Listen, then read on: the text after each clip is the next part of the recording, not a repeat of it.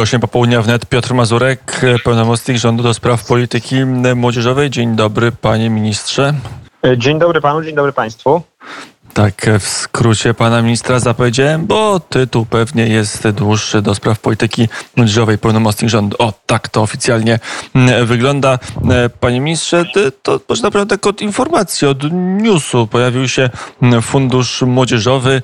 Po co taki fundusz? Takie kieszonkowe będą dla młodzieży od rządu, że teraz będzie się dostawać od pana premiera Piątaka co rano?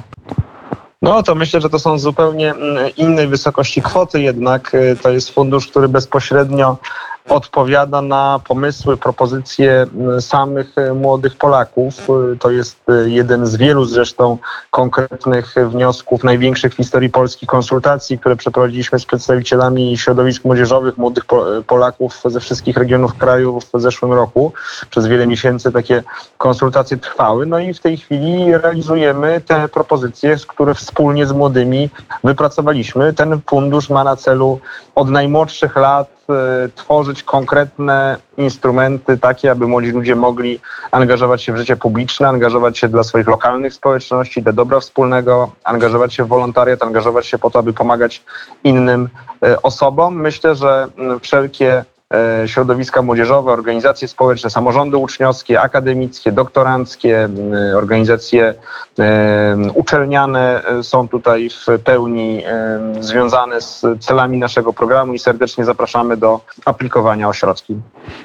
A teraz jest tak, że startuje ten nabór. Jakie organizacje? Kto szczególnie powinien myśleć? Czy możemy sobie ad hoc jakąś organizację we dwóch z panem ministrem założyć i aplikować o środki, czy trzeba mieć jakieś doświadczenie w działalności publicznej? No my oczywiście pamiętamy o tym, że w większości naszych programów, bo w Komitecie Pożytku Publicznego na czele z wicepremierem Piotrem Glińskim tych programów mamy naprawdę bardzo, bardzo wiele organizacji harcerskich, rzemieślniczych, uniwersytetów ludowych, watchdogów, think tanków i tak dalej. Tutaj i zazwyczaj jest oczywiście to doświadczenie istotne. W przypadku organizacji młodzieżowych oczywiście no troszeczkę inaczej trzeba do tego podchodzić, no bo wiadomo, że organizacje młodzieżowe z racji tego, że są tworzone przez ludzi często bardzo młodych, to doświadczenie będą mieli mniejsze. Natomiast myślę, że warto, aby młodzi ludzie od najmłodszych lat się angażowali i chcemy ich do tego zachęcać już na poziomie samorządów uczniowskich, bo to jest ten pierwszy etap zaangażowania społecznego, który w ramach naszego funduszu jest wyróżniony. No oczywiście wszystkie kolejne młodzieżowe rady, organizacje, samorządy, koła naukowe na poziomie akademickim, no i oczywiście już organizacje pozarządowe, takie, które są zarejestrowane, czy to w KRS-ie, czy to w rejestrze starosty, tak jak Stowarzyszenie Zwykłe, organizacje katolickie, kościelne i wszystkie te inne podmioty trzeciego sektora, które serdecznie do korzystania z tych środków zapraszamy. A jaki jest w zasadzie cel? Znaczy, jakie społeczeństwo będzie po tym funduszu? Na ile ten fundusz wpłynie na rozwój społeczeństwa obywatelskiego wśród młodzieży? Z jednej strony wspieramy i zdecydowanie uszlachetniamy demokrację, no bo demokracja powinna polegać na tym, żeby wszyscy obywatele uczestniczyli w życiu publicznym, uczestniczyli w stanowieniu prawa, w procesach decyzyjnych. Doskonale zdajemy sobie sprawę z tego, że młodzi ludzie są niedoreprezentowani w gremiach decyzyjnych z oczywistych powodów, ale przecież y, różne gremia decyzyjne decydują także i o ich życiu, decydują o sprawach, które na ich życie wpływają. Stąd też na poziomie samorządowym już w zeszłym roku dzięki zmianom ustawowym wprowadziliśmy możliwość tworzenia młodzieżowych rad i udziału tych młodzieżowych rad w tworzeniu aktów prawa lokalnego. Teraz dajemy finansowe narzędzia, aby te młodzieżowe rady na wszystkich szczeblach samorządu, gmina, powiat, województwo działały jeszcze sprawniej i na większą skalę. Wprowadzamy wsparcie dla samorządów uczniowskich, akademickich, aby w życiu szkoły, w życiu uczelni te środowiska również wzmocnić.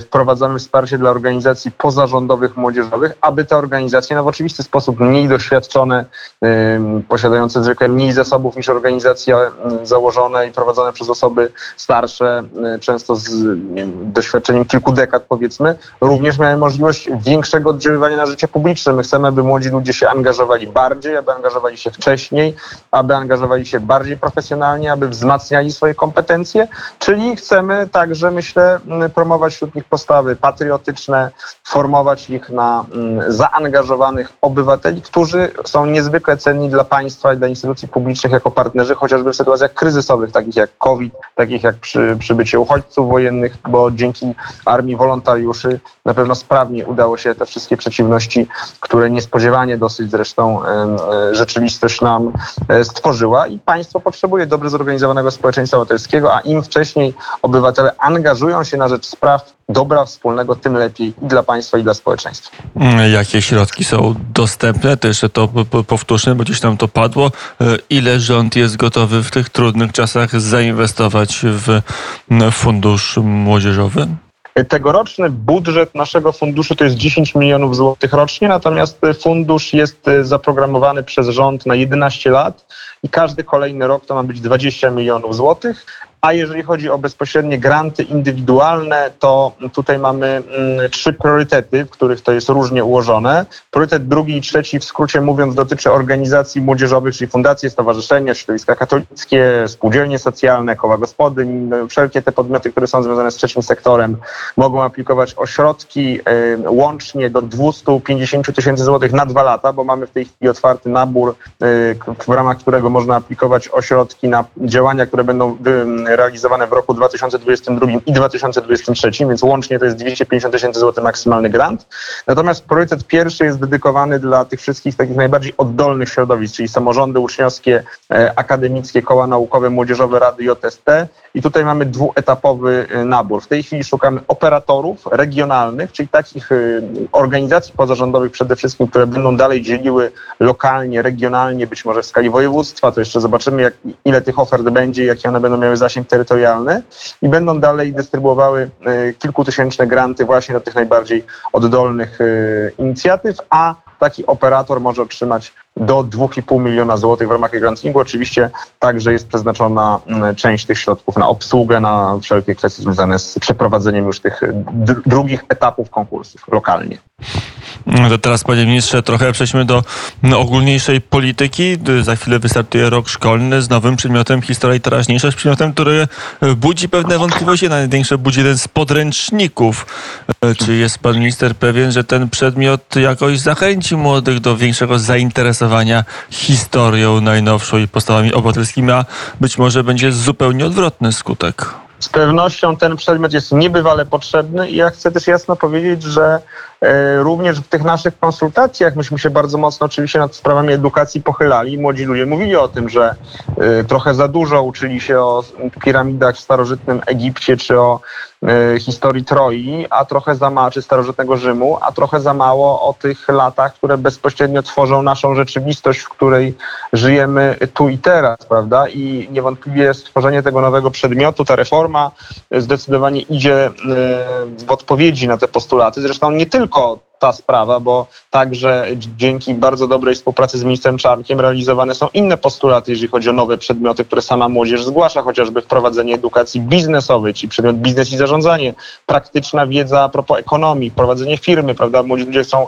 się uczyć konkretnych rzeczy, które mm, w rzeczywistości gospodarczej, rynku pracy są potrzebne, także edukacja ekologiczna i klimatyczna, więc myślę, że tych e, konkretnych nowości, które są stopniowo wprowadzane w ramach reformy pana ministra Przemysława Czarnka jest dużo i one bardzo dobrze odpowiadają na postulaty młodzieży, a muszę powiedzieć, co też jest oczywiście w pewien sensie przykre, ale nasz rząd to wyzwanie podejmuje i bardzo intensywnie nie odpowiada, że młodzi ludzie byli niebywale krytyczni wobec e, dotychczasowego, zastanego systemu oświaty, mieli bardzo dużo uwag również do generalnie rzecz biorąc sposobu wykonywania zawodu przez dużą część nauczycieli i wykładowców akademickich i e, te zmiany, które w tej chwili są wprowadzane, myślę, że w dużej mierze realizują właśnie takie postulaty, które młodzi zgłaszali. Na, ile jest tak, że mamy w tej chwili młodzi myślą o zupełnie czymś innym niż nawet historia najnowsza. Nie myślą o tym, czym był komunizm, czym był e, nazizm czy faszyzm. E, myślą o tym, e, kto jest ich fanem na Instagramie. Myślą o tym, jak zdobyć kolejne pięć lajków czy kolejnych trzech obserwujących na swoim koncie na TikToku i w ogóle się nie interesują tym, czy w szkole będzie hit, czy będzie historia, czy będzie WOS. Mają to być może współcześnie w, w głębokim poważaniu. No wie pan, ja też y, jestem w mediach społecznościowych i ja widzę, że bardzo dużo lajków y, młodzi ludzie i nie tylko młodzi ludzie mogą y, uzyskać pod różnego rodzaju wrzutkami dotyczącymi pamięci o bohaterach, pod na przykład różnego rodzaju materiałami dotyczącymi 1 sierpnia. To była rocznica, która bardzo mocno w mediach społecznościowych przez młodych ludzi była wspominana, także 11 listopada bardzo duża jest aktywność taka patriotyczna, więc ja bym nie przesadzał z tymi takimi publicystycznymi, trochę malkontenckimi tezami, że młodzi ludzie w ogóle się nie interesują historią, nie interesują się patriotyzmem, to jest moim zdaniem w dużej mierze mit. No oczywiście niektórzy by chcieli, żeby tak było i środowisko np. Gazety Wyborczej, które traci e, monopol na mm, uprawianie historii i nauczanie historii na pewno jest niezadowolone, prawda? No wiemy, że przez wiele dziesięcioleci obowiązywał podręcznik do historii autorstwa pani Heleny Michnik niejakiej, prawda? No rozumiem, że niektórzy by chcieli wrócić do tamtych czasów, e, no ale może jednak... No to lata 60., lata 50. to Ale nie wiem, czy. Myślę, że środowisko związane z panem Michnikiem czuje na pewno jakiś tam sentyment do tamtych czasów, prawda? I do tych treści, które. Ale to jest taka prosta walka, to jest po prostu przełożenie e, walki starszych na, czy, czy starych na, na, na, na sytuację młodych. Po prostu ci, co krytykują hit, ci, co krytykują niektóre założenia e, podręcznika, to po prostu starzy komuniści albo jacyś lewicowcy, a ci, co bronią, to prawicowcy. To jest na pewno takie proste, panie ministrze. No oczywiście na pewno tam konkretne argumenty należy rozważyć, ale no ja dzisiaj byłem, bo też jestem samorządowcem, uczestniczyłem w Komisji Edukacji w Radzie Warszawy. Bardzo zaangażowany atak na ten podręcznik profesora Roszkowskiego, zresztą zasłużonego działacza opozycji niepodległościowej, demokratycznej ze strony e, radnych radykalnej lewicy, między innymi pani Diduszko, kilku innych osób, no więc widać, że to jednak jest atak ideologiczny. Oczywiście oni się tam e, usiłują posiłkować jakimiś argumentami, ale myślę, że przyczyny tego ataku raczej y, są w pewnym dziedzictwie właśnie historycznym i po to ten przedmiot musi być, aby to dziedzictwo było szerzej znane, bo bezpośrednia kontynuacja y, stalinizmu w współczesnej lewicy, także centrolewicy jest bardzo widoczna i myślę, że ten przedmiot pomoże również młodym ludziom te oczywiste związki, ale długi czas niestety skrywane zauważyć. Mm, a zastanawiam się jeszcze, na ile kolejna now, kolejny nową, które wchodzi do szkół ponadpodstawowych, czyli mm, lekcje, zajęcia ze strzelania. Mm, to akurat element e, pamiętany w latach 90. i wcześniej. Również teraz ma wrócić do szkół. Jak to ma wyglądać? Bo nie ukrywam, ostatnio rozmawiałem z ministrem Czarnkiem i tam dużo szczegółów nie było. Może pan minister zna więcej szczegółów, kto to będzie robił, jak to będzie robił, kto będzie strzelał, jak to będzie wyglądać. No myślę, że tutaj minister Czarnek jest y, y, tą osobą, która ma największe mm, przełożenie, ponieważ jest ministrem nadzorującym oświatę, y, ale ja sądzę, że to jest bardzo dobra decyzja, ponieważ w tym geopolitycznym scenariuszu, który w tej chwili się realizuje z naszą granicą, widać, że my musimy mm, no, wrócić do pewnych nieco już zakurzonych spraw, takich jak na przykład umiejętność obrony, obrony ojczyzny, obrony własnej rodziny, obrony swojej lokalnej społeczności. I także myślę, że to jest jeden z tych obszarów, takie działania probronne, działania, jeżeli chodzi o edukację w zakresie bezpieczeństwa i w naszym funduszu młodzieżowym. Mam nadzieję, że się znajdą i chętnie byśmy je dofinansowywali. Wiem, że młodzi ludzie interesują się tymi sprawami. Wojska Obrony Terytorialnej przecież mają bardzo wiele zgłoszeń w tym roku, chyba jeszcze więcej niż poprzednio na skutek tej całej sytuacji na Ukrainie. E, także jak najbardziej to jest też bardzo potrzebne i myślę, że naprawdę mm, młodzi ludzie są dużo bardziej patriotyczni i w dużo większym stopniu czują przywiązanie do tych wartości, takich jak obrona ojczyzny, niż się niektórym wydaje i na pewno niż się wydaje tym, którzy chcieliby inaczej, a na pewno w III RP taka propaganda była uprawiana, prawda? Pedagogika wstydu niewątpliwie dominowała, ale my z tym absolutnie kończymy, odrzucamy pedagogikę wstydu, bo mamy, po pierwsze mamy z czego być dumni, stąd też przedmiot hit na pewno tutaj będzie istotny, ale także musimy pamiętać, że pewne demony przeszłości wciąż są żywe i musimy się także uczyć tego, jak bronić tej ojczyzny tu i teraz, bo wiemy, że wrogów mamy wielu i to, co się dzieje bardzo blisko Polski, jasno pokazuje, że chociażby jeżeli chodzi o naukę posługiwania się bronią, to to jest to, co jest y, niestety wciąż potrzebne. Mm, e, powiedział Piotr Mazurek, mm, pełnomocnik mm, rządu do spraw polityki młodzieżowej. Dziękuję bardzo za rozmowę i do usłyszenia. Serdecznie pozdrawiam, dziękuję bardzo.